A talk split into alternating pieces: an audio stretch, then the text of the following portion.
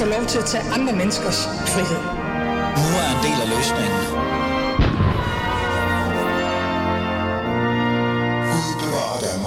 Hvordan kan man egentlig starte den her time? Jeg tror, det er bedre at starte med at læse op, hvad Lisbeth, min gæst, har skrevet øh, omkring em, øh, emnet i dag.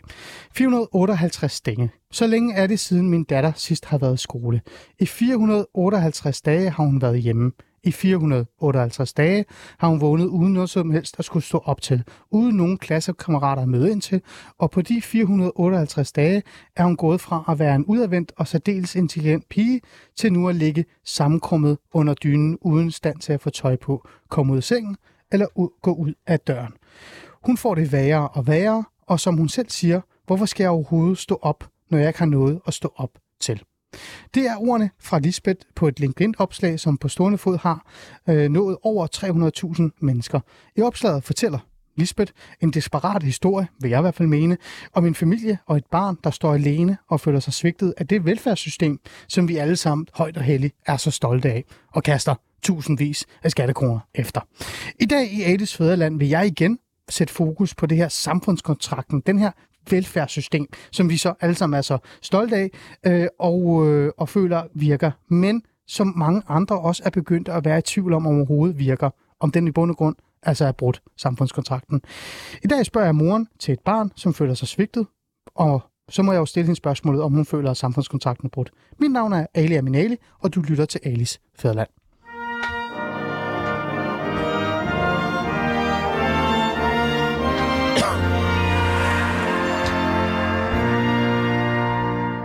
Lisbeth, tak fordi du vil øh, være med i dag.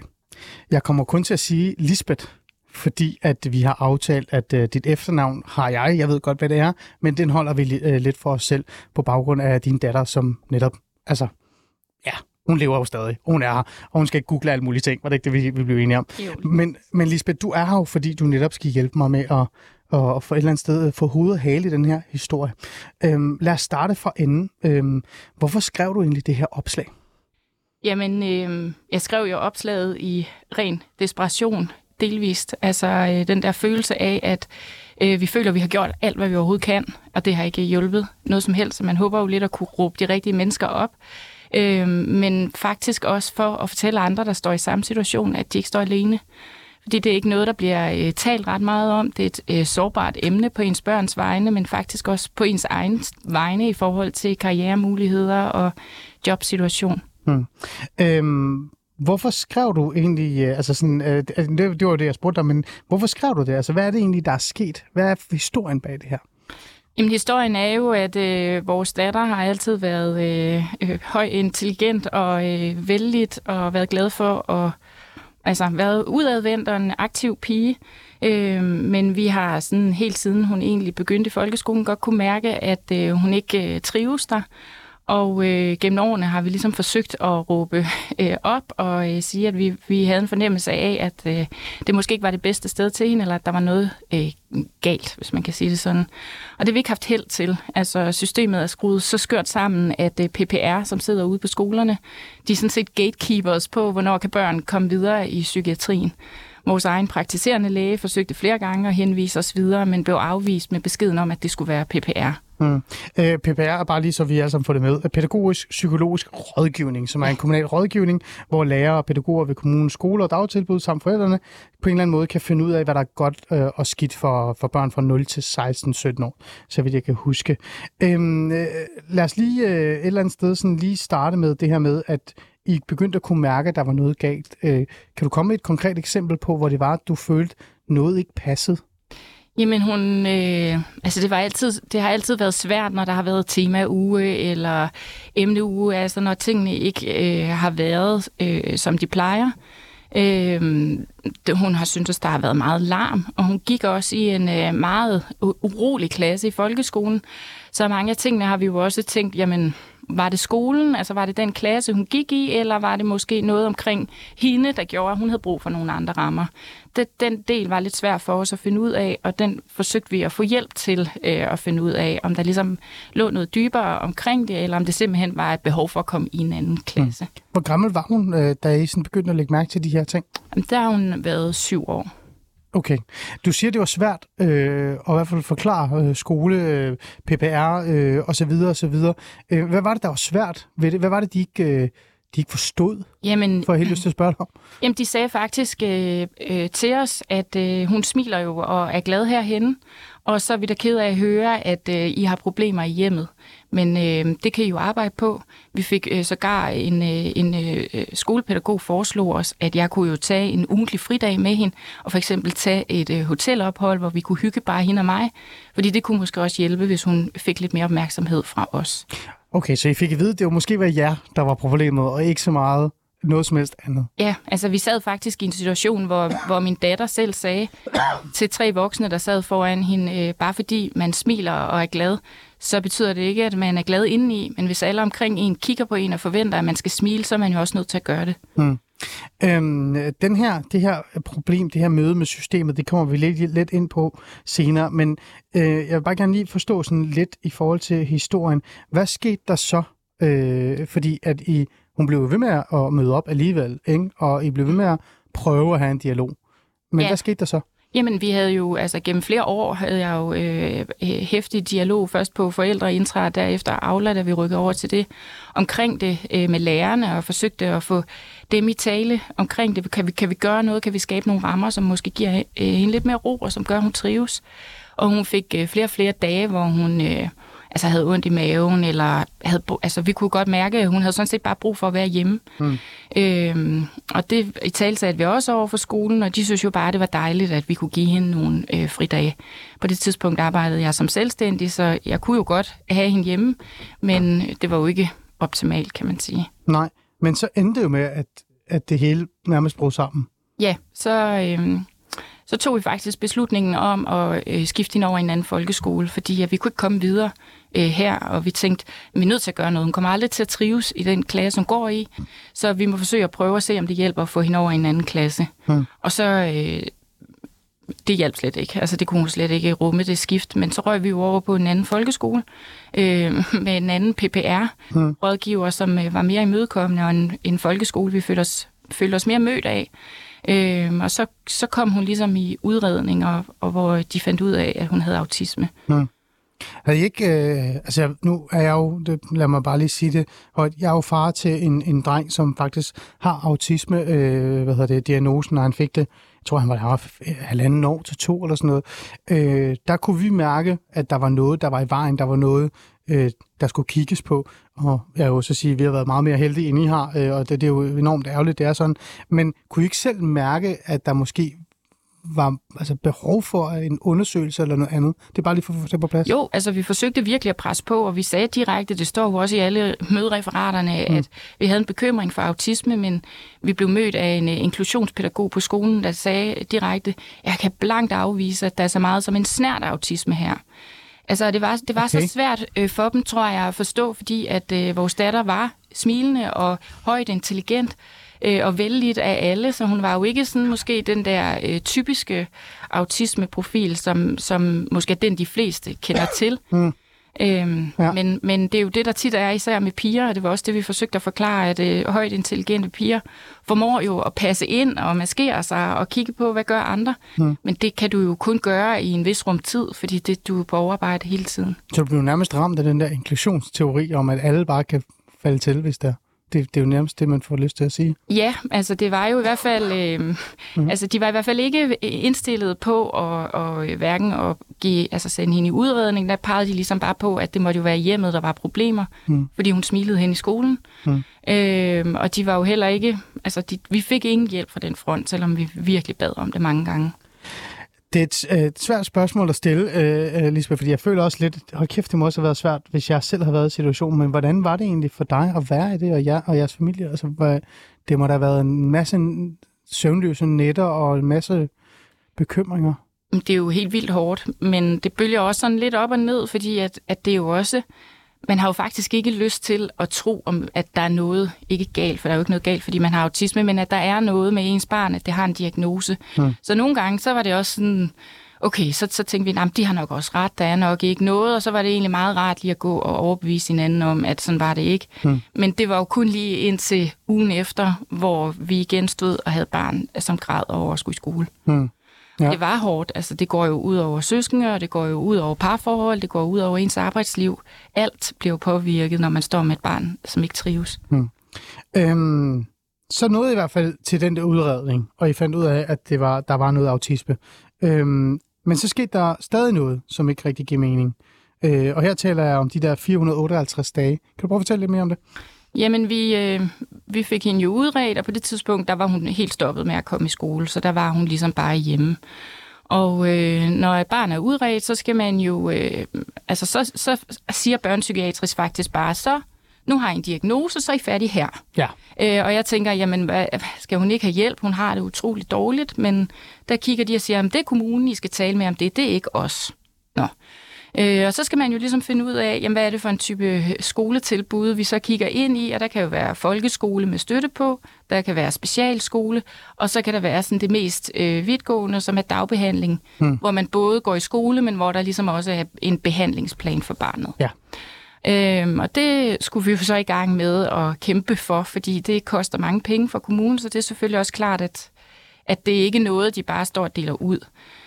Øhm, og det fik vi bevilget, og øh, så tænkte vi, øh, perfekt, så nu, nu, nu hjælper det. Hmm. Øhm, det gjorde det ikke. Så kører der en ekstrem lang proces med at finde ud af, hvad er det for en skole, barnet skal på. Øhm, og øh, det første skoletilbud, de pegede på, der havde de tænkt sig at putte vores datter, som jo burde gå i 5. klasse, i en klasse med børn fra 2. klasse, fordi de ikke havde plads med nogen jævnaldrende. Hmm. Og vi siger til Hvor gammel var hun der? øh, 11. Hold da, okay. Og så siger vi, prøv at høre, der står i alle papirer, at hun har en rigtig høj intelligens og er rigtig dygtig fagligt, og det er vigtigt at honorere, for hun kommer i trivsel. I kan jo ikke putte hende i klasse med nogen fra anden klasse, det er jo, det er jo helt skørt. Ja. Det fastholdt de, og på det tidspunkt så valgte vi simpelthen at få en øh, advokat knyttet på for at hjælpe os. Hmm. Og det virker jo øh, for det første absurd, at du overhovedet er nødt til at have en advokat for at få de ting, du har brug for til dit barn. Men derudover er jeg selv jurist, så jeg kender jo reglerne, men man farer bare blind i systemet. Hmm. Og der oplevede vi faktisk, at bare det, vi ligesom sagde, advokatens navn, det gjorde, at rapporter, de havde sagt, at det er klar om otte uger, det tog lige pludselig to dage. Så, så, så havde vi dem i Så hånden. det gik hurtigere, når I kunne... Alt gik hurtigere. Det er jo i sig selv også bare Ja. helt galt. Ja. Men det kommer vi lige hen til uh, her lige om lidt. Øhm, hvor lang tid gik, eller har jeres uh, datter så gået hjemme nu? Ja, nu er vi vel ved at være oppe på 470 dage, tror jeg. Og du er blevet nødt til at tage... Øh. Jeg har jo måttet tage overlov fra mit job nu, øh, for at være hjemme, fordi at i takt med, at hun ikke har haft et skoletilbud, har hun fået det værre og værre. Mm. Øh, så det er jo gået fra, at øh, altså i starten ville hun jo selvfølgelig gerne, altså hun vil rigtig gerne i skole. Mm. Det er faktisk det, hun allerhelst vil. Det, er Det vil man, når man er tilbage i 11 år. Det er Ja. som regel, ja. Øh, men hun har det så dårligt nu, og, og alle, alle eksperter peger jo på, at det er præcis fordi, der ikke er et skoletilbud til hende. Mm.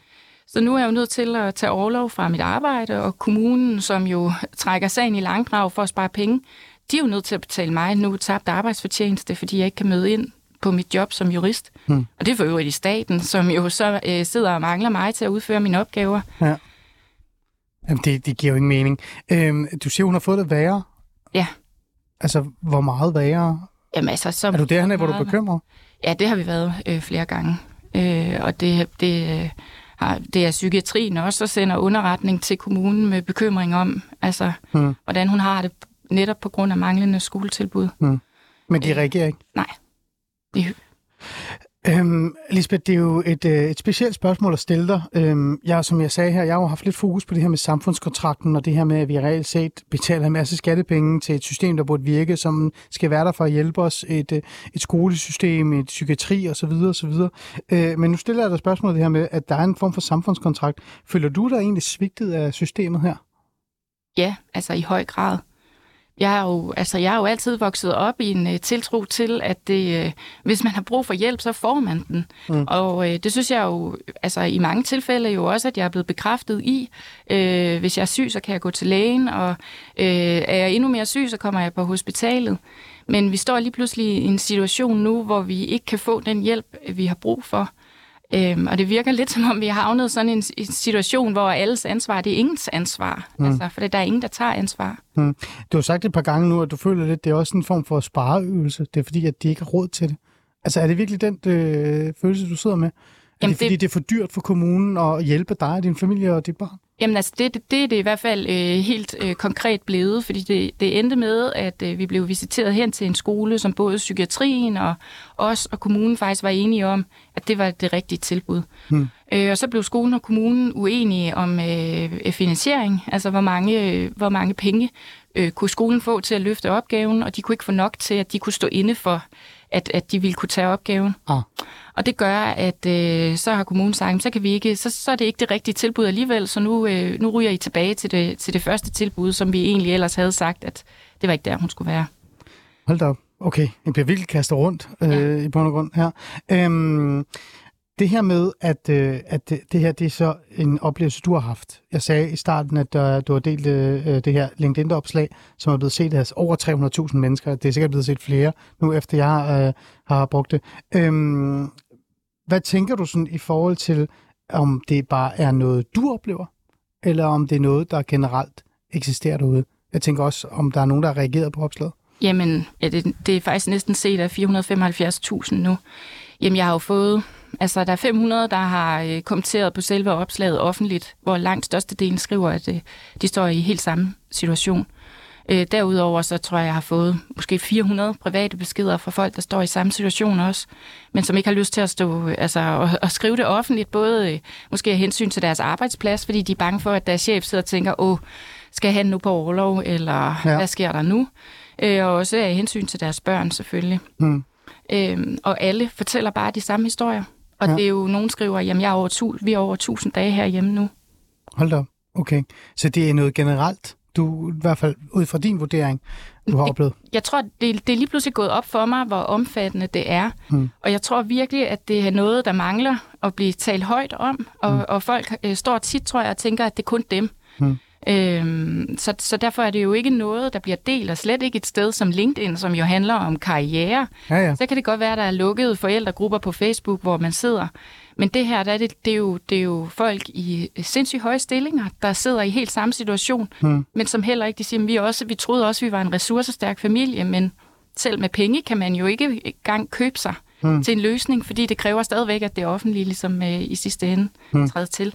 Vi kommer hen i forhold til, øh, på det der med i forhold til omfanget. Vi har øh, to andre gæster, vi trækker ind i programmet her lige om lidt.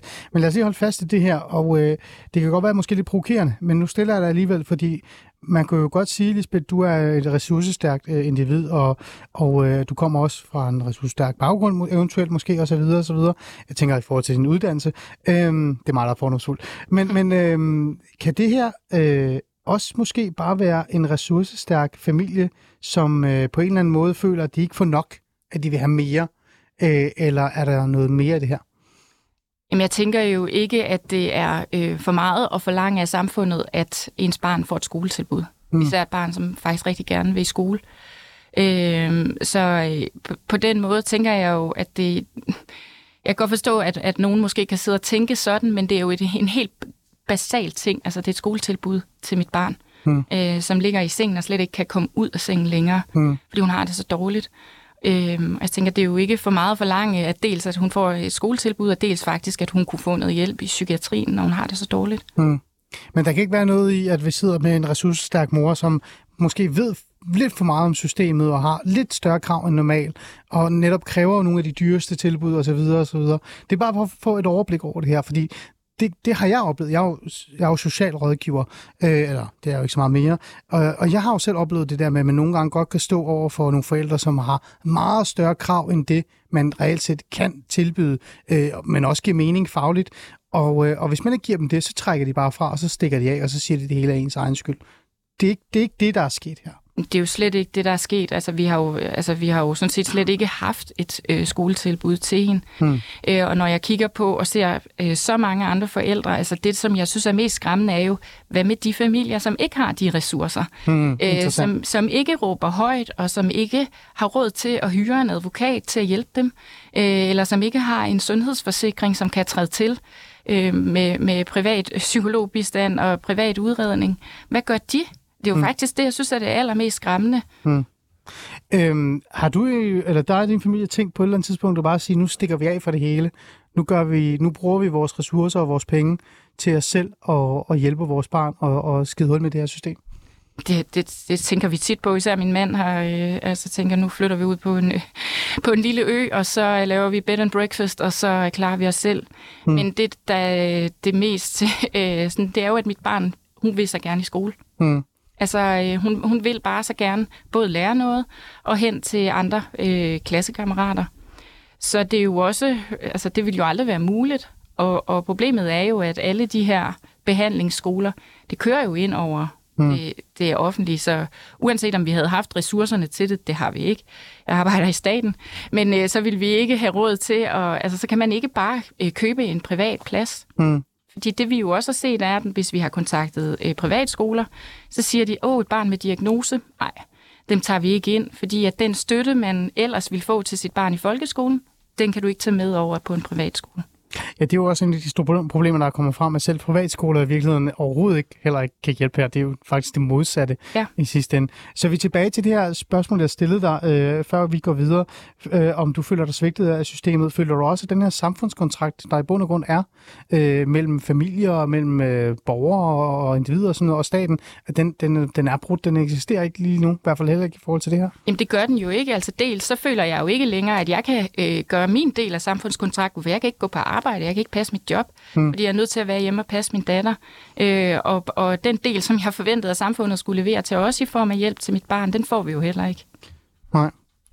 Det er, det, det er barske sager, øh, men, øh, men en af de ting, som også er vigtigt, det er også at finde ud af, hvorfor er det, det er sådan? Altså, hvad er egentlig der er op og ned? Ikke? Jeg bliver ved med at stille det her spørgsmål. Handler det i bund og grund bare om prioritering? Altså, handler det om penge? Er det kommuner og skoler og stater, der sparer, øh, og det er derfor, det går ud over det? Eller er der noget dybere på spil? Lad os prøve at finde ud af det med vores gæst, som vi trækker ind lige om lidt.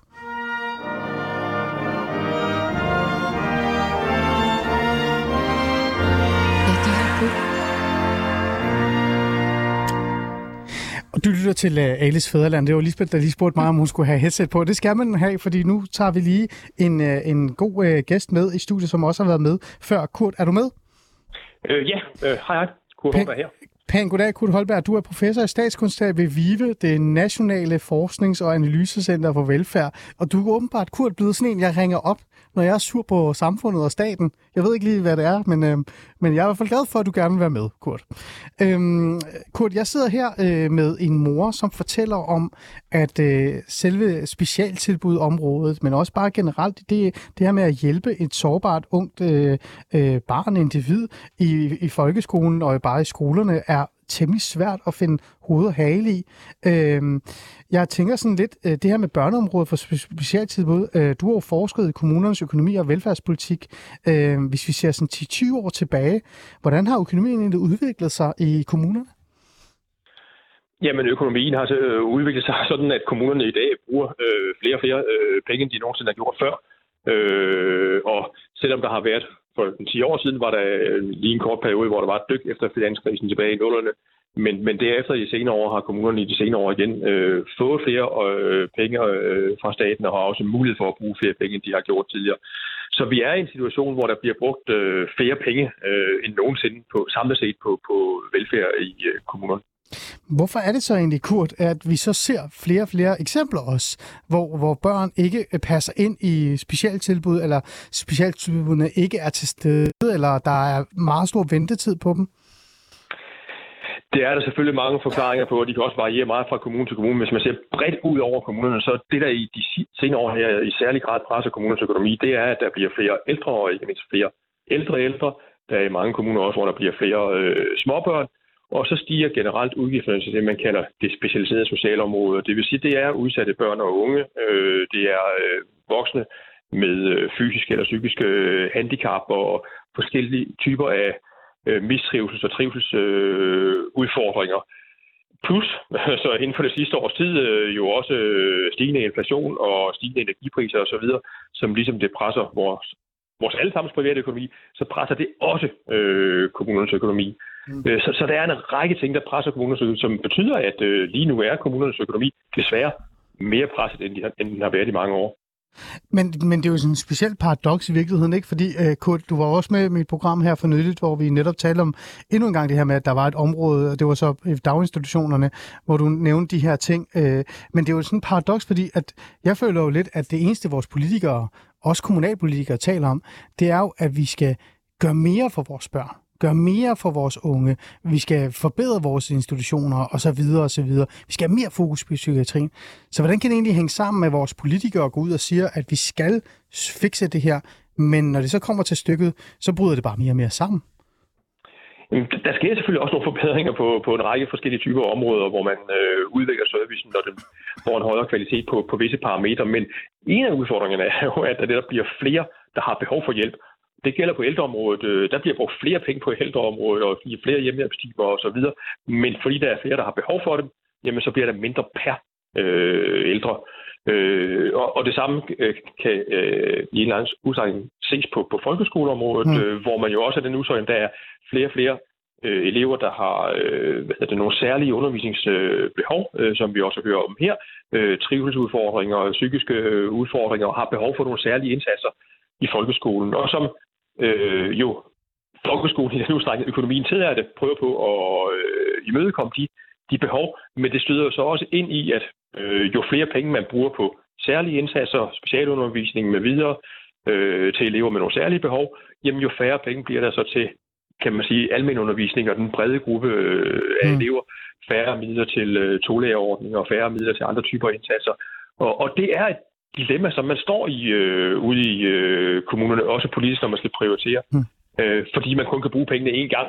Mm. Øh, så, så, så hvis man bruger flere penge på øh, forskellige typer af øh, problemstillinger, som, som der er øh, flere af med øh, udsatte børn og unge, og øh, med stigende trivselsproblemer, og øh, psykiatriske øh, og mistrivselsudfordringer osv., jamen så bliver der færre penge til øh, den brede folkeskole, hvis vi ser på folkeskoleområdet. Men det gælder også i forhold til anbringelser uden for et hjem og forebyggende foranstaltninger, jo mere man bruger på det, jo mindre bliver der til de med mere klassiske indsatser øh, i velfærdspolitikken. Hmm. Kurt, hæng lige øh, på, for jeg bliver lidt nysgerrig, Lisbeth. Hvordan har du det egentlig med at, at høre øh, det, Kurt siger, det her med, at, at det, altså, virkeligheden handler bare om benhård prioritering? Det er derfor, at du bliver udsat for det, du bliver udsat for på en måde? Jamen, det overrasker mig ikke, og, og øh, altså, det ved jeg jo også af præmissen. Det, som jeg synes øh, er sådan lidt et paradoks, er jo, at det ender jo med at koste mange flere penge, fordi de forsøger at spare penge. Mm. Altså havde, vi, havde de hjulpet os fra starten, så havde det været et meget mindre indgribende øh, skoletilbud, der havde været brug for. Så havde vi ikke behov for at sætte psykiatrien i spil. Så havde jeg ikke behov for at skulle gå hjemme og, og få øh, min løn betalt af kommunen hver eneste måned, øh, fordi jeg er nødt til at, at, at være hjemme og passe mit barn. Mm. Så, så der er jo en paradoks i det også. Øh, er der noget sandhed i det øh, et eller andet sted, øh, Kurt? Fordi jeg tænker sådan lidt, tænker man, tænker man ikke langt nok ud i fremtiden? Er, er man meget sådan kortsigtet i forhold til det her med at prioritere beløb og penge øh, og budgetter til, til de her områder? Det kan der jo ikke have være en tendens til, og noget kan selvfølgelig også afhænge af de lokale prioriteringer. Men en af de ting, der gør sig gældende på nuværende tidspunkt, er jo også, at vi har en såkaldt budgetlov, øh, som sætter et loft over, hvor meget kommunerne samlet set må bruge hvert år. Øh, og som betyder, at selvom der måske kunne være øh, en længere sigtet gevinst ved at investere noget mere på nuværende tidspunkt, jamen så er kommunen begrænset af, at de ikke må bruge flere penge øh, i det ene år. Heller ikke, selvom det så på længere sigt måske kunne ende med at øh, føre til nogle øh, hmm. besparelser, og nogle, øh, også nogle, øh, ikke bare økonomisk, men også øh, nogle bedre menneskelige øh, øh, vilkår. Hmm. Øh, så, så der er nogle bindinger, øh, ikke på den enkelte kommunes økonomi, fordi det her budgetloft øh, eller udgiftsloft, det gælder for kommunernes samlede økonomi, men som betyder, at kommunerne er tilbøjelige til at tænke øh, kortsigtet. Hmm. Øhm, øh, det her, det er jo et, et, et problem, som jeg oplever mere og mere Øh, jeg oplevede det også lidt som socialrådgiver, da jeg var socialrådgiver dengang. Men det er også noget, man hører mere og mere om det her med ideen om, at den samfundskontrakt, der er mellem øh, kommune og eller stat og borgerne, at den på en eller anden måde bliver brudt. At der er flere og flere borgere, der føler, at øh, deres øh, ældre og deres børn og dem selv øh, bliver sådan et eller andet sted øh, kastet ud i en eller anden øh, maskine, de ikke engang kan komme ud af, og de får ikke den hjælp, de har brug for. Øh, Kurt, jeg, jeg er med på, at det er benhårde budgetter, og det er prioriteringer, og der er de penge, der er. Men er det her ikke, altså, bliver det her ikke et større og større politisk problem for velfærdsstaten, men også for politikerne, at flere og flere borgere står øh, og føler, at det her sikkerhedsnet ikke griber dem længere? Øh, jo, det er da en øh, udfordring, fordi at man så ikke ligesom øh, har en velfærdsstat, der lever op til de forventninger, som man med rimelighed kan have. Både hvis man er ældre og har haft et langt arbejdsliv og forventer, at nu øh, står velfærdsstaten klar til at levere en øh, betryggende øh, indsats, både økonomisk og praktisk øh, i ens alderdom, eller i forhold til, at man er i udsatte øh, positioner og har nogle øh, problemer, jamen så er der selvfølgelig en forventning om. Og det er klart, det giver nogle udfordringer, øh, når velfærdsstaten ikke er i stand til at øh, levere øh, og leve op til de forventninger, som, som man har. Mm. Øh, men udfordringen er så sammen set for velfærdsstaten på nuværende tidspunkt, at det er forventninger, som borgerne har til, øh, hvor meget der skal leveres til hvor mange, og i forhold til mange forskellige typer målgrupper, jamen det overstiger de øh, midler, der er til mm. rådighed, og som man ønsker at bruge mm. øh, på, på den samlede offentlige sektor på nuværende tidspunkt. Men, men velfærdsstaten er jo i bund og grund i en tillidskrise, ligegyldigt hvad så. Altså, øh, så igen prioriteringer, prioriteringer, serviceniveau osv. Vi er jo et sted, hvor, hvor, hvor der er en reel tillidskrise nu, ikke? Det, det kan man sagtens argumentere øh, for, øh, og dermed også, at, øh, at der bliver en, øh, en sprække i velfærdssamfundet øh, mm. i forhold til, øh, hvad er det for nogle forventninger, borgerne har, og med rimelighed har, øh, i forhold til, at vi har det velfærdssamfund, som vi nu engang har, mm. og så det, som velfærdsstaten er i stand til at mm. levere. Og, og der er situationen desværre bare på nuværende tidspunkt, at øh, jeg tror, vi ser ind i en, øh, også i de kommende år, mm. hvor det, ja, nu skal der bruges flere penge på forsvaret og grønne omstilling og andre ting, som man ja, også ja. ønsker at prioritere, øh, at vi ser ind i en periode her i de kommende år, hvor vi ikke skal forvente, at vi får, øh, øh, får, får, får flere penge til velfærd, men at skal indstille os på, at, øh, at det bliver en anderledes og på nogle øh, områder øh, dårligere velfærd, øh, vi som enkelte borger kan forvente at få. Betyder det så egentlig her, Kurt, øh, til sidst, at, at det er jo en af de ting, vi bliver nødt til at forholde os til som borgere, øh, som mor og jeg som far, også til for eksempel en, en, en barn med autisme, at, at vi bare generelt øh, borgere i det her land, som elsker velfærdsstaten og har den her samfundskontrakt, at vi bliver nødt til at erkende eller acceptere, at serviceniveauet på, de, på den velfærdsstat, vi er så vant til, at den falder mere og mere og mere nu. Det er der meget, der peger ind i i de kommende år. Øh, blandt andet også på grund af den måde, som demografien udvikler sig på, hvor der øh, bliver i de her år flere og flere ældre og færre og færre i den øh, erhvervsaktive alder til sådan grundlæggende at bidrage til at finansiere øh, velfærdsstaten, og øvrigt også levere øh, hænder øh, til at kunne løfte den velfærdsservice, der er. Fordi en ting er, om man har pengene, en anden ting er, om man er strække mange øh, hænder, kvalificerede hænder til at, at levere den øh, velfærdsservice, som vi forventer. Okay, Kurt, jeg får lige at vide, jeg har der fem minutter mere, så bliv lige, bliv lige hængende så. Det er jo kun godt, det er jeg glad for. Jeg vil gerne trække dig, lige spændt ind i det her. Det, øhm, du er jo den her mor, som det går ud over. Det, og det, det er jo voldsomt, det du har oplevet, din datter har oplevet. Øh, men der er jo også bare en generel snak om det her med, at, altså, at velfærdsstaten faktisk bare ikke kan leve op til den, den, den service, den burde.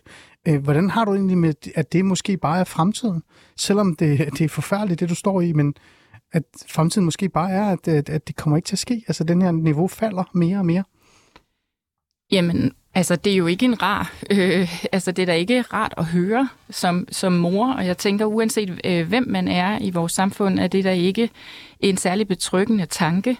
Men jeg sidder jo i hvert fald baseret på vores oplevelser med systemet, stadig med en følelse af, at der er blevet brugt ekstremt mange ressourcer på vores sag, de er bare blevet brugt på den helt forkerte måde. Mm. Så vi sidder jo stadigvæk med et barn, der ikke har et skoletilbud, selvom der er brugt hundredvis af, af sagsbehandlingstimer fra kommunens side på det her, og, og selvom de jo hver eneste måned nu betaler mig øh, løn for at gå hjem.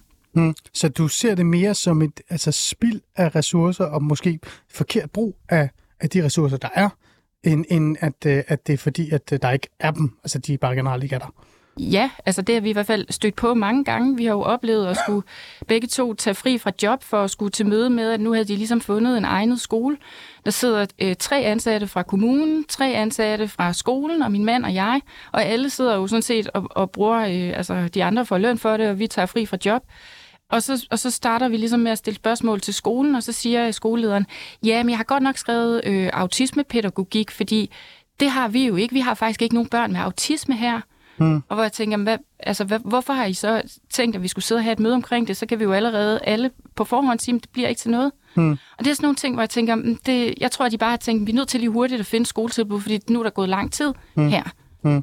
Øh, Kurt, øh, en af de ting, øh, i hvert fald borgerlige siger, og nu er det her også et holdningsbordet borgerligt program jo, så jeg kan også være enig om, at det er rigtigt, er jo også, at velfærdsstaten bare spilder penge. Altså, de bruger den forkert. Øh, er der også noget sandhed i, at velfærdssystemet og velfærdsstaten måske øh, altså et eller andet sted også nået et sted hen, hvor den ikke selv har oversigt over, hvad, hvad, hvad den bruger penge på? Ja, og det kan man selvfølgelig sagtens finde, og også masser af eksempler, hvor, hvor som det konkrete tilfælde her, altså hvor det jo helt åbenlyst er både hverken menneskeligt eller økonomisk øh, øh er det grebet an på den optimale øh, måde.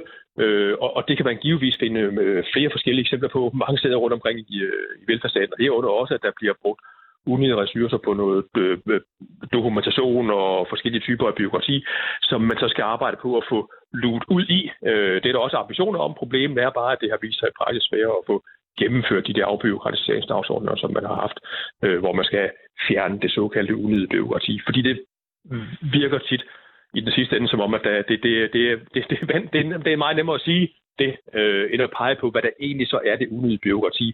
Fordi der så i den sidste ende viser sig, at der er typisk nogle forskellige øh, ting i forhold til retssikkerhed og jura og så videre, som øh, de forskellige regler er indført for, at man skal, mm. skal kunne leve op til.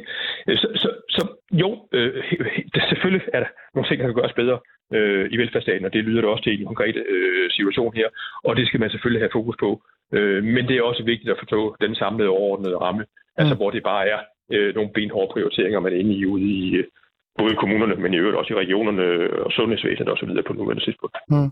Så, så svaret for dig på grund er også øh, et eller andet sted, som vi, vi talte om lige før, at vi danskere bliver bare nødt til at se ind i en fremtid, hvor den serviceniveau, som vi på en eller anden sted forventer, eller har fået før, at den ikke er der længere. Altså, der kommer en serviceforringelse, der kommer, det kommer til at være sværere, og det her velfærdssamfund, som vi føler lidt kører perfekt, det, det kører ikke perfekt længere. Ja, og hvor vi ser ind i fremtiden nu, at det kan godt være, og det, det øh, tror jeg også, vi forventer, at der bliver brugt flere penge på, på velfærd i de kommende år, men fordi der er flere og flere øh, borgere, der har behov øh, for at få andel i det, ikke bare flere og flere ældre, men også flere og flere øh, i udsatte positioner og trivselsproblemer af forskellige art, øh, jamen så når der bliver, selvom der bliver brugt flere penge samlet set, jamen så når der er flere, der har behov, øh, jamen så betyder det, at der bliver mindre til hver enkelt. Mm. Okay. Uh, Kurt Holberg, så, tusind tak, fordi du var med, professor i statskundskab ved VIVE og det Nationale Forsknings- og Analysecenter for Velfærd. En fornøjelse at have med. Du bliver sikkert, uh, jeg ringer dig sikkert op igen. Det, det her, det bliver ved. tak, fordi du var med. Ja. Um, uh, hvad hedder det? Lisbeth, det er jo svært, ikke? Og på en eller anden måde at, at forholde sig til det her med, at du sidder med et konkret problem. Du fortæller mig, at der er rigtig mange, der har skrevet til dig og sagt, at de oplever det samme. Jeg har jo næsten, altså jeg var heldig. Jeg fik den hjælp, jeg skulle have til, til min søn, men jeg var jo derhen af, hvor jeg, og lige om lidt, jeg tror, det er næste uge igen, eller sådan noget, der skal jeg faktisk til en samtale med PPR og, og det hele, og vi skal finde ud af, hvor han skal, hvor han skal placeres skolemæssigt. Øhm, men at vi bliver nødt til at, at acceptere, at det her, det bliver bare værre. Altså, og du får ikke den hjælp, du tror, du skal have, eller du forventer, du skal have. Øh, det må da, er det ikke svært at være i? Jamen, det er meget svært at være i. Øh, men igen, så, så sidder jeg også bare og tænker, hvad med alle dem, som ligesom ikke kan har overskud til at kæmpe, hverken økonomisk eller ressourcemæssigt, personlige ressourcer, de bliver jo tabt fordi det, vi har jo kunne erfare, hvor meget det har krævet af os, hvor mange gange man skal ringe og rykke, før man får de altså afgørelser, man, man sidder og venter på, eller får svar fra øh, sagsbehandleren. Hvad med dem, der ikke, der ikke orker det, eller som ikke... Øh, hvad med de børn, der ikke har en mor og far, som, som kan mm. påtage sig det? Ja. Men, men, og det har du fuldstændig ret i, og det, jeg tror, der er et kæmpestort øh, antal derude. Men, men hvad, med, hvad, med, altså, hvad, hvad, hvad med fremtiden så for dig? Fordi det virker jo ikke som om, at øh, du får noget hjælp derfra. Altså, det, altså, det må da være, det må da bare skal kigge ind i. Det er det da også. Altså, jeg, jeg, jeg er da stadigvæk, altså jeg er nødt til at tro på, at det løser sig, fordi at alt andet kan man slet ikke være i som, som mor. Så vi har da stadig en forhåbning om, at det nok skal løse sig. Og vi møder jo også øh, personer i systemet, hvor vi kan mærke, at de har et godt hjerte, men, men det, det der med, at der ligesom ikke er nogen, der har den, det gør jo bare, at der ikke er nogen, der står til ansvar. Øh, og det, føl, det føles lidt som om, at det så bliver tabt på den måde. Du sagde, at, du, at, øh, at øh, en af de ting, I har så besluttet for at gøre, og det er jo en af de ting, som man måske også kun kan gøre som ressourcestærk, det er at rive fat i en advokat. Øh, prøv lige at fortælle lidt, hvorfor var det, I valgte det? Bare lige. Jamen dels var det fordi, at øh, på daværende tidspunkt øh, havde vi jo begge to fuldtidsjobs og kunne faktisk ikke længere øh, overskue og skulle øh, være projektleder på det her også. Altså, og, øh, og så var det faktisk, fordi vi, øh, vi havde hørt fra andre, at øh, det, at man har en advokat på, det sætter bare skub i tingene. Hmm. Og helt konkret oplevede vi, at vi stod og skulle en, en skolepsykolog skulle lave en, øh, sådan en undersøgelse, og hun, havde, hun sad og sagde, at det tager 6-8 uger, før jeg kan have den klar. Og blev ved med at presse hende og sige, at det kan ikke være rigtigt. Og så slutter jeg samtalen af med at sige, at vi for øvrigt lige oplyste om, at vi har valgt at få en advokat på, fordi vi ikke længere ligesom kan, kan skubbe nok på selv. Mm. Og så gik der to dage, og så, så var undersøgelsen færdig. Hvordan var det egentlig at sidde tilbage med sådan en følelse af, at det intet virker, intet fungerer, at tingene tager sin tid, men at man nærmest, hvis man så, det er jo nærmest at tro systemet, så sker der noget. Jamen, det er jo, øh, det er jo forrygt. Altså, det er jo helt ekstremt, at det skal derud. Øh, at det er sådan noget, der er, at, at, der er nødvendigt. Hmm. Ja. Øhm, jeg, har jo, øh, jeg har jo øh, taget en advokat med i programmet, Øh, du har jo faktisk så sagt, at det her det var den mest perfekte person at ringe til. Så lad os bare lige uh, trække en uh, advokat ind i studiet her, for netop at finde ud af, uh, hvorfor det her det, det er sådan, som det er. Uh, Thomas, er du med? Ja, jeg er med. Thomas uh, Taguchi, er det rigtigt sagt? Ja, det, det er helt rigtigt sagt. Fantastisk. Du er advokat med speciale i socialretslige sager, børnesager og familiesager øh, og flere og flere. Altså noget i hvert fald i den dur, du er i. Øhm, ja. Vi sidder jo her med, øh, med Lisbeth, som fortæller hendes historie omkring, at, øh, at hun nærmest sidder fast i et system, der ikke giver mening overhovedet. Øh, men hvis hun tror det, øh, med en advokat, så sker der noget. Er det noget, øh, du kan genkende? Ja, altså det, det er noget, jeg grundlæggende set godt kan genkende, i hvert fald, øh, i, hvert fald i mange forskellige sager. Jeg kan måske lige starte, at sige, øh, starte med at sige, at, at mit kontor har jo rigtig mange af den type sager. Jeg vil også bare tro, at vi har nok de fleste af den her type sager i, i landet, så, så vi kender området rigtig godt, og vi ved også, vi ved også hvad det er for nogle udfordringer, borgerne står, står overfor. Og, og det værste er jo, at, at der er jo mange, mange af de her type sager, hvor der ikke sker noget, før man tager fat i nogle eksterne der, der, må, der, må, der må ja, gå i kamp for en, så at sige. Mm. Du siger, at du er din øh, advokatbureau, eller der, hvor du sidder, de er nok dem, der har øh, i hvert fald rigtig mange sager. Hvor mange sager har ja. du egentlig på dit bord, som er ligesom øh, Lisbeth? Jamen altså, det vil, øh, om året vil det være et større tocifret antal sager, men vi får en del flere henvendelser end det. Vi har, vi har simpelthen bare kapacitet nok til at løfte. Okay. Det lyder jo voldsomt. Det lyder som rigtig mange sager. Jamen det, det er det også, det er det også, og, og, og når folk henvender sig, skal man tydeligvis høre desperationen i deres det er jo deres børn, som ofte så sidder fast i systemet i overvis. Mm. Øh, og, og det er jo et system, som, som i virkeligheden burde hjælpe dem. Mm. Hvor at, at, at, at det mest mærkværdige ved det, det er jo, at lovgivningen faktisk åbner op for, at man kan hjælpe de her familier. Der er ikke noget galt med den måde, lovgivningen er skrevet på, men det er mere forvaltningen af lovgivningen, den praktiske forvaltning af lovgivningen, der blandt andet ser ud hos landets kommuner, hvor den måske er galt i mange tilfælde i hvert fald. Øh, Thomas, øh, jeg har jo skrevet det her spørgsmål med manus, men du har nærmest svaret det øh, på det. Om det her det er et stort problem. Er det, er, det, er det et stort problem, eller er det sådan lidt noget, der bare eksisterer i ny og næ nogle steder i kommuner? Altså, jeg vil sige, med, jeg vil sige det er et relativt problem, og, og, og vi ser jo også på en toppen i isbjerget. Det er i hvert fald, i hvert fald de bedste gæt, fordi der er jo rigtig mange mennesker, der ikke engang har ressourcer nok til at til at prøve at henvende sig til, til, til, til, til sådan nogle som mig, eller lignende firmaer. Øhm, mm. Men også når jeg for eksempel taler med kommuner omkring de her så lyder det meget som om, at, at, at, at det er noget helt nyt for dem, at, der, at, at de bliver mødt med noget pushback i forhold til den måde, de eksempelvis fortolker lov på, i forhold til den måde, de administrerer reglerne på. Mm. Og det er overraskende. Okay. Thomas, jeg, jeg, jeg laver lige den der klassiske radioting, hvor jeg beder dig om at gå hen til et vindue eller et eller andet, hvor der er sådan måske lidt bedre signal. Så kan jeg lige øh, stille øh, Lisbeth et spørgsmål. Øhm, det her med at tage fat i en advokat, det er jo ikke en, det er jo ikke en billig ting. Altså, det er, jo, det er jo igen det der med ressourcestærke. Øhm, jeg har jo spurgt dig det før, men nu spørger jeg lige igen. Øh, det her, det er, jo, det er jo en eller anden sted, en eller anden form for, hvad kan vi sige, der er jo der er noget retsmæssigt problem her, ikke? Altså, retsfølelsen kommer også i spil her. Altså, det vil sige, at øh, fordi jeg har ressourcer nok, eller jeg godt kan blive vred nok til at trække andre ind, så kan jeg måske redde mit barn, men andre, de falder bare af. Hvordan har din retsfølelse med det her? Jamen, den har det jo ikke godt. Altså, jeg er selv jurist. Det er jo, det er jo præcis sådan derfor, jeg helt grundlæggende for mig, at øh, også at man skal overholde reglerne. Altså, det, det, det føles voldsomt, og jeg kan også godt have dårlig samvittighed over, at jeg på en eller anden måde føler, at øh, så får vi masters foran i køen, fordi at, øh, Præcis. at vi måske råber højt, eller, eller har råd til at øh, betale en advokat. Ja. Men samtidig så er det også ens barn, og der, er- altså som min mand sagde, nu har vi gået i, i så mange dage, og ligesom øh, øh, håbet på og, og forsøgt at løse det ved, ved, ved den almindelige vej i systemet og på folks sagsbehandlernes velvilje, og, og det har jo ikke hjulpet, og så er vi jo nødt til bare benhårdt at forholde os til, hvordan er reglerne, og hvad er deres forpligtelse i forhold til, hvad de skal leve op til. Mm.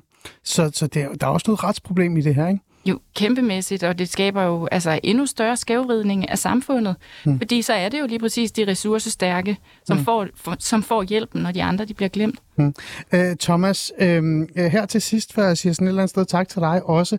Øh, nu øh, er det det, du øh, ja, bruger i hvert fald en del tid på. Øh, jeg får helt lyst til at spørge dig, øh, vi kom lidt ind på det lige før, men hvordan øh, systemet så møder dig, øh, når du så dukker op til sådan noget? Altså, hvordan bliver du mødt af systemet? Øh, fordi vi talte om det der med presset. Øh, smø- altså, kører det hele bare så fantastisk, når du dukker op? Øh, altså jeg vil sige, det er en meget, meget blandet landhandel, fordi det kommer også an på, hvilken kommune du møder, hvilken sagsbehandler du møder, fordi folk er jo forskellige øh, i, i sagens natur. Men altså generelt set, så vil jeg sige, at, at, at det, den historie, jeg i hvert fald får fortalt af mine klienter efterfølgende, det er, at ofte så bliver man mødt på en lidt anden måde, når man tager lidt juridisk forstærkning med. Mm. Øh, at, at der lige pludselig er lidt mere åbenhed, der måske er, er lidt mere lydhørhed. Hvilket jo er, er, rigtig, rigtig ærgerligt, kan man sige, fordi det er jo også, som Lisbeth siger, altså, systemet er ikke baseret på, at, at, at, at mennesker, der har ressourcer, skal kunne stille sig foran i køen. Sådan burde det i hvert fald ikke være. Nej, nej. Øhm, vi talte med, øh, med en, øh, en forsker, som fortalte, at det her det handler også om benhård prioritering. Øh, men jeg får jo lyst til også på en eller anden måde at konkludere en lille smule, at det her det handler jo også, ligesom du selv sagde, af, altså dårlig sagsbehandling, af dårlig prioritering i forhold til, hvad man egentlig skal bruge pengene på, dem man har osv. osv. Øh, kan man være lidt fræk og konkludere, Thomas, her, at, at det her handler også om, at man faktisk bare begår for mange fejl øh, derude, som man så lige pludselig kommer i tanke om, fordi en advokat øh, dukker op? Jeg, jeg, vil, jeg, jeg vil måske indskrænke min svar til at sige, at, at, at jeg synes, der bliver begået mange fejl. Og jeg synes måske, der er en tendens til at, at have lidt for meget, hvad skal man sige, lidt for mange skrivebordsvurderinger, og, og, og, og, og lidt for lidt, hvad skal man sige, øh, lidt for lidt lytten til, til borgerne og til de eksperter, der udtaler sig. Altså nu er det nogle gange lige sådan, at, at, at folk, der sidder og læser et stykke papir og, og, og, og læser en beskrivelse af et barn på måske en halv side, ikke ved lige så meget som for eksempel den psykolog eller den læge, der har fyldt barnet i overvis, eller den familie, som har siddet med barnet i overvis, eller den skole, som har siddet med barnet i overvis. Mm. Mm. Altså, i min verden, så bør man lytte lidt mere til, til ekspertudtalelser og, og til dem, som, som sidder mere med, med, med, børnene. Det er måske den mest gængse sagsbehandlingsfejl, jeg, jeg ser, der bliver begået. Er dit uh, anbefaling så også på en eller anden måde også, at, uh, at uh, hvis man sidder fast, så er det nok bedst at rive fat i en advokat, fordi at det netop presser det her system? Det, det, det vil jeg faktisk helst ikke sige, fordi at, at, at det vil være virkelig, virkelig sørgeligt, hvis, hvis vi endte i en situation, der er på den måde. Ja, Jeg vil præcis. måske sige, starten skal man måske prøve på, at, at, at se, om man kan indgå i en rigtig, rigtig fornuftig dialog med sine sagsbehandler, prøve at få dem til at lytte, og, og juridisk ekstern bistand er en sidste udvej. Men jeg forstår godt, hvorfor folk gør det, men det er en sidste udvej, og sådan skal det også helst være. Thomas uh, Taguchi, advokat, tusind tak, fordi du vil være med og lige uh, fortælle lidt om, hvordan du oplever det fra din side. Jo, selv tak.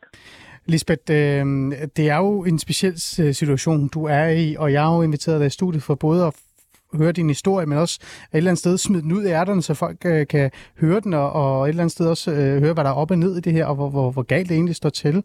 Øhm, men nu er du i det her. Nu har vi brugt lidt tid på at tale med en professor om det. Vi har snakket med øh, Thomas øh, Taguchi, som også er en advokat, som også kender ke- til det her. Øhm, jeg tænker sådan lidt øh, på fremtiden i forhold til dig og dit barn nu, her til sidst. Øhm, hun er stadig hjemme. Ja. Og I venter stadig på et tilbud. Og I har advokat på, og det hele. Ja. Og selvom du står her, og du tænker, at jeg føler lidt, at jeg kommer foran køen, jeg har taget alle de ressourcer, jeg kan bruge osv., osv., så sidder I stadig fast. Ja. Øh, hvad, hvad tænker du? Altså sådan, hvordan tror du, det kommer til at ende det her? Jamen, jeg ved det ikke det, det, øh, det føles jo meget øh, altså håbløst, fordi vi føler, at vi gør alt, hvad vi kan. Og vi står i en situation, hvor psykiatrien siger, jamen vi, vi kan ikke hjælpe jer, fordi vi tænker, det er kommunens ansvar at lave nogle ordentlige pædagogiske rammer. Men de pædagogiske rammer kommer bare ikke, så vores barn sidder jo uden nogen hjælp. Altså psykiatrien har ligesom sagt, nej, det er ikke vores bror. Og kommunen, de træder heller ikke til. Mm.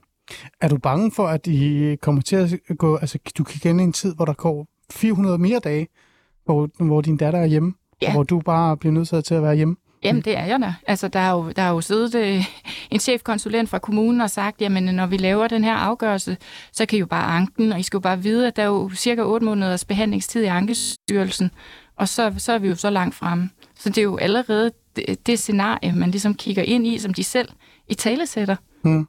Hvordan tror du, din datter vil, vil have det, hvis det er, hun skal gå 400 mere dage eller 300 dage derhjemme? Jamen, jeg ved det ikke. Altså, det, det bliver jo værre og værre, og man kan sige, at den eneste, der faktisk sådan rigtig har steppet op, det er den folkeskole, som hun øh, måske nåede at være i, hvad, øh, 10 undervisningstimer, hmm. som nu har øh, ansat en ung pige, der kan komme hjem og forsøge at sidde og lave lidt lektier med vores barn, fordi hun har jo heller ikke, hun har ikke fået sygeundervisning i al den tid, hmm. fordi Københavns Kommune har sagt, at hun er visiteret til et øh, dagbehandlingstilbud, så vi behøver heller ikke at sygeundervise. Hvordan er hun blevet værre og værre?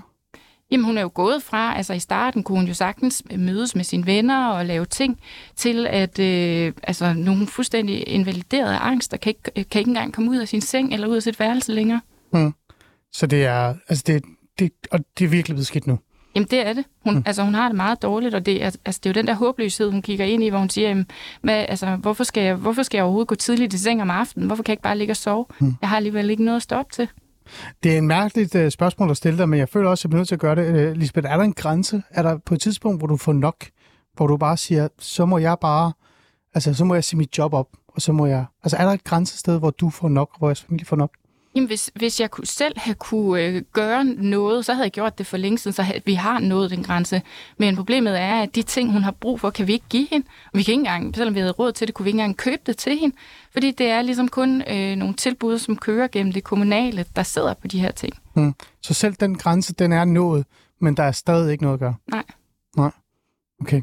Øh, Lisbeth, det har været øh, interessant at have dig i studiet, øh, men også på en eller anden måde sørgeligt, fordi du er øh, i bund og grund, øh, dig og din familie og din, din datter, et eksempel på det, jeg kalder øh, det her med, at samfundskontrakten er, er brudt i virkeligheden, og du sidder jo fast i et dilemma, hvor som du selv siger, der er jo ikke en løsning på det her øh, overhovedet, eller ej. Øh, vi hører jo mere og mere om vores unge, som har det rigtig, rigtig skidt. Vi hører mere om vores ældre, der har det rigtig skidt. Vi hører mere om alle, der har det rigtig skidt. Og svarene for vores politikere, det er jo, at øh, vi skal droppe bededag og tage på arbejde. Det kan du jo ikke engang. Du skal blive hjemme og, og, og passe dit der, øh, barn. Så det, det er jo i sig selv en, en, en mærkelig tid, vi går ind i. Øhm, her til sidst, bare for en, en, en, for en forståelsens skyld, også for derude. Øhm, jeg spurgte dig, om du har en forståelse for, at det her det handler om prioriteringer. Vi lever i en tid, hvor alt skal reddes, forsvar osv. osv. Er, er, er der noget af det, der bare giver en lille smule mening i det hoved, og det er derfor, du er her? Eller, er, eller synes du stadig, at det, det er lige meget? Jamen, jeg kan sagtens forstå, at man skal prioritere. Jeg ved jo godt, man kan jo ikke hjælpe alle. Altså, alle kan, vi, kan, vi, hver gang man bruger nogle penge på noget, kan man ikke bruge dem på noget andet. Så den del er jeg jo helt med på. Men jeg tænker, det er vores børn. Altså, det er, det er meget, man taber. Hvis, selv hvis man kun skulle tænke økonomi, så er det en dårlig forretning, at man ikke hjælper børn tidligt. Mm. Fordi forældrene ender med at miste tilknytning til arbejdsmarkedet. Barnet, øh, hvis ikke det får hjælp i tide, kan jo ikke træde ind senere i sit arbejdsliv. Mm. Så selv hvis vi kun tænkte økonomi, så er det her en rigtig dårlig forretning. Lisbeth, tusind tak, fordi du vil komme og dele en historie øh, med mig og øh, Kurt øh, Holberg, professor i statskundskab ved VIVE. Tusind tak som altid for lige at dukke op og lige fortælle lidt økonomi og budgettering og alt det her ting. Øh, og øh, jeg skal også sige øh, tak til Thomas øh, Taguchi, advokat, for lige at sætte lidt fokus på, hvordan, hvad han oplever. Øh, det bliver spændende. Altså, jeg vil rigtig gerne følge op på historien. Jeg tænker, at lad os lige lave en, en aftale om at følge op på det senere og høre, hvordan det, det ender. Øh, og, øhm, og så må vi se, hvad der sker. Ikke? Ja. Så, så jeg lytter, og tak fordi I lyttede med.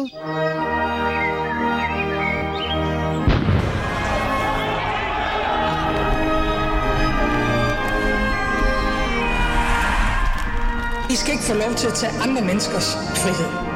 Nu er en del af løsningen.